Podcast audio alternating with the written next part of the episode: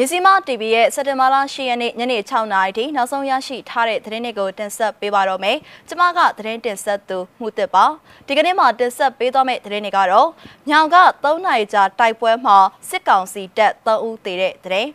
။တမိုင်းရင်ထင်းရဲ့ကင်းထဲကိုဖဆလာတဘုံဖောက်ခွဲတဲ့သတင်း။မအူပင်မျိုးရှိဒလန်ဟုနာမည်ကြီးနေသူပြစ်ခံရတဲ့သတင်း။ 83ကြိမ်မြောက်ကရင်နီအမျိုးသားအာဇာနည်နေ့အခမ်းအနားကျင်းပရဆိုတဲ့တဲ့ကဘူးကဆန္ဒပြပွဲတွေကိုတာလီဘန်ပြစ်ခတ်ဖြိုခွင်းနေဆိုတဲ့တဲ့အစရှိတဲ့သတင်းတွေကိုတက်ဆက်ပေးသွားမှာပဲဖြစ်ပါတယ်ရှင်ပထမဦးဆုံးသတင်းတစ်ပုဒ်အနေနဲ့မြောင်မြို့နယ်က3နာရီနီးပါးကြာတဲ့တိုက်ပွဲမှာစစ်ကောင်စီတပ်သား3ဦးသေဆုံးပြီးစစ်ကားတစ်စီးပျက်စီးသွားတယ်လို့ကာကွယ်ရေးတပ်ဖက်ကပြောပါတယ်။ စကိုင်းတိုင်းဒေသကြီးမြောင်မြို့နယ်မြစ်ဆောင်ရွာအနီးမှာပြည်သူ့ကာကွယ်ရေးတပ်ဖွဲ့တွေနဲ့စစ်ကောင်စီတပ်တို့ကြားပစ်ခတ်မှုကမနက်9နာရီကစပြီးမွန်တဲ့ချိန်အထိကြာမြင့်ခဲ့တာပါစစ်ကောင်စီဘက်ကလက်နက်ကြီးတွေနဲ့အဆက်မပြတ်ထုတ်လို့ကျွန်တော်တို့တက်ဆုပ်လိုက်ရတဲ့အနေထားပါကျွန်တော်တို့ဘက်ကအကြအဆုံးမရှိပေမယ့်သူတို့ဘက်က3ယောက်ကြာသွားတယ်စစ်ကားတစ်စီးကိုလည်းဖောက်ခွဲလိုက်တာပျက်စီးသွားပါတယ်လို့ကာကွယ်ရေးတပ်ဖွဲ့ဝင်တဦးကပြောပါတယ် မနေ့ကမြောင်မြို့နယ်ပေါချောင်းရွာက PDF စခန်းကိုစစ်ကောင်စီတပ်ဖွဲ့ကဝင်စီးခဲ့ပါသေးတယ်။ဒါပေမဲ့ PDF အဖွဲ့အထိခိုက်မရှိစုခွာသွားနိုင်ခဲ့တယ်လို့သိရပါဗျ။ဆက်လက်ပြီးတော့ရန်ကုန်သမိုင်းမီးပွိုင်းကရန်ထင်းရဲကင်းကိုဒီကနေ့မှဖုံးခွဲခဲ့တယ်လို့ဖက်စစ်စန့်ကျင်ရေးလက်ယုံတပ်ဖွဲ့ကသတင်းထုတ်ပြန်ပါတယ်။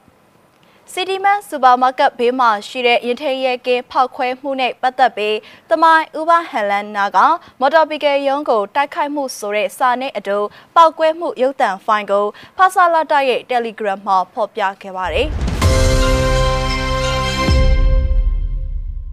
ဆက်လက်ပြီးတော့ AR တိုင်းမအူပင်မြို့အမှတ်6ရက်ကွက်မှာဒလန်လို့နာမည်ကြီးနေတဲ့ကိုရာချစ်ဆိုသူပြစ်ခတ်ခံရမှုဒီကနေ့မနက်ပိုင်းကဖြစ်ပွားခဲ့ပါတယ်။ တနက်နဲ့လှမ်းပစ်တာမထိလိုက်ဖို့လို့ပြောတယ်။သူနဲ့သူ့ရောက်ဖဦးမင်းမောင်ကဒလန်လို့ကြီးညာခံထားရတွေပါဆိုပြီးမအူပင်မြို့ဒေသခံတဦးကပြောပါရယ်။ဦးမင်းမောင်ကမအူပင်မြို့မှာမော်တော်ယာဉ်ပြေးဆွဲရေးကော်မတီမဆာကဥက္ကဋ္ဌအဖြစ်လုပ်ကင်ခဲ့ဘူးသူတဦးလည်းဖြစ်ပါတယ်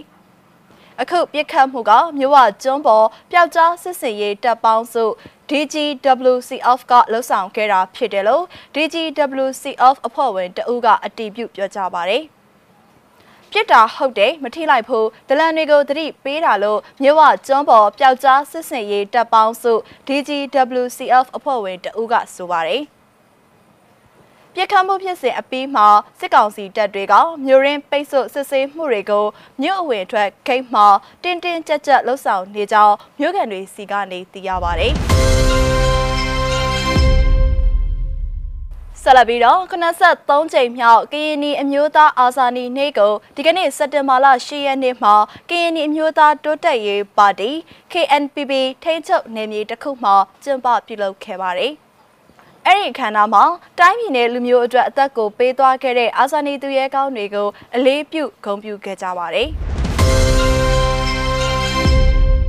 နောက်ဆုံးသတင်းတစ်ပုဒ်အနေနဲ့ကပူးကဆန္ဒပြပွဲတွေကိုတာလီဘန်ပြစ်ခတ်ဖြိုခွင်းနေတဲ့ရုပ်သံဖိုင်ကိုလည်းဆက်လက်ရှုစားကြရအောင်ပါရှင်။ ပြီးခဲ့တဲ့လကအာဏာသိမ်းလိုက်တဲ့သဘောထားတင်းမာသူအစ္စလာမစ်တွေရဲ့လုပ်ရက်ကိုစန့်ကျင်တဲ့အနေနဲ့ဆန္ဒပြနေတဲ့အာဖဂန်ပြည်သူတွေကိုစက်တင်ဘာလ9ရက်အင်္ဂါနေ့မှာတာလီဘန်တွေကတနက်နဲ့မိုးပေါ်ထောင်ပစ်ခတ်ပြီးလူစုခွဲခဲ့ပါတယ်။အာဖဂန်နစ္စတန်ရဲ့အုပ်ချုပ်သူအသစ်တွေဟာအစိုးရတဲ့တရက်မဖွဲ့ရသေးပေမဲ့မြို့တော်နေပြည်သူအများစုကတော့1996ခုနှစ်ကအတိုင်းတာလီဘန်ရဲ့ရက်ဆက်တဲ့ဖိနှိပ်အုပ်ချုပ်မှုတွေထက်လှုပ်လာမှာကိုကြောက်ရွံ့နေကြပါတယ်။ လူပုံအလဲမှာကွပ်မျက်ခြင်းတကိုးတွေကိုလက်ဖြတ်ခြင်းစတဲ့ပြည်တံစီရင်မှုတွေလှုပ်ဆောင်ခဲ့တဲ့အရင်တာလီဘန်လက်ထက်ကတွေးတောင်မတွေးဝန်းတဲ့စန့်ကျင်ဆန္ဒပြသူအုပ်စုအ ਨੇ ဆုံး၃ခုရှိခဲ့တယ်လို့ဆိုပါတယ်။အာဖဂန်အမျိုးသမီးတို့ကနိုင်ငံမှာလွတ်လပ်စွာနေလိုတယ်။နိုင်ငံကိုပြန်လည်တည်ဆောက်ခြင်းနဲ့ဒီအတွက်စ조사နေတာပါလို့ ပါကစ္စတန်တန်ရုံးရှိကအမျိုးသမီးတို့အများစုပါဝင်တဲ့လူ90ကျော်စုယုံဆန္ဒပြပွဲတစ်ခုအတွင်းကဆာရာဖာဟင်က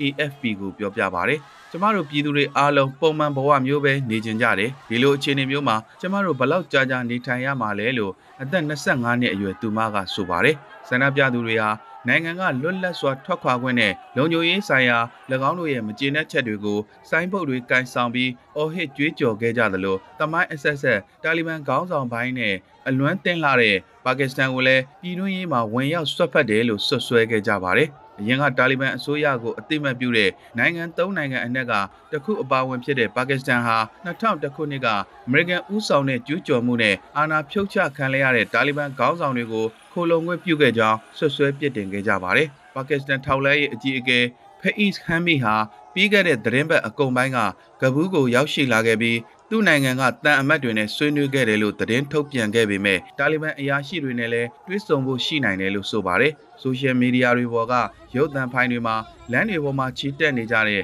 လူတရာကျော်စီလောက်ပါတဲ့ဆန္ဒပြအဖွဲ့တွေကိုတာလီဘန်လက်နက်ကင်တွေက ထက်ချက်မကွာလိုက်ကြည့်နေခဲ့တာကိုတွေ့မြင်ရပါတယ်။ဆန္ဒပြသူတူဖြစ်တဲ့ဂဘူးမျိုးကဆရာဝန်ဇာရာမိုဟာမက်ကအာဖဂန်နစ္စတန်ကိုလွတ်လပ်စေခြင်းနဲ့ငါတို့လွတ်လပ်မှုကိုလိုချင်တယ်လို့ဆိုပါတယ်။ဟဲရက်နဲ့မက်ဇာအိုင်ရှရစ်တို့အပါအဝင်မြို့ငယ်တွေမှာလည်းပြီးခဲ့တဲ့ရက်တွေအတွင်းကဆန္ဒပြမှုတွေရှိခဲ့ပြီးအစိုးရသစ်မှာအမျိုးသမီးပါဝင်ခွင့်အတွက်တောင်းဆိုခဲ့ကြပါတယ်။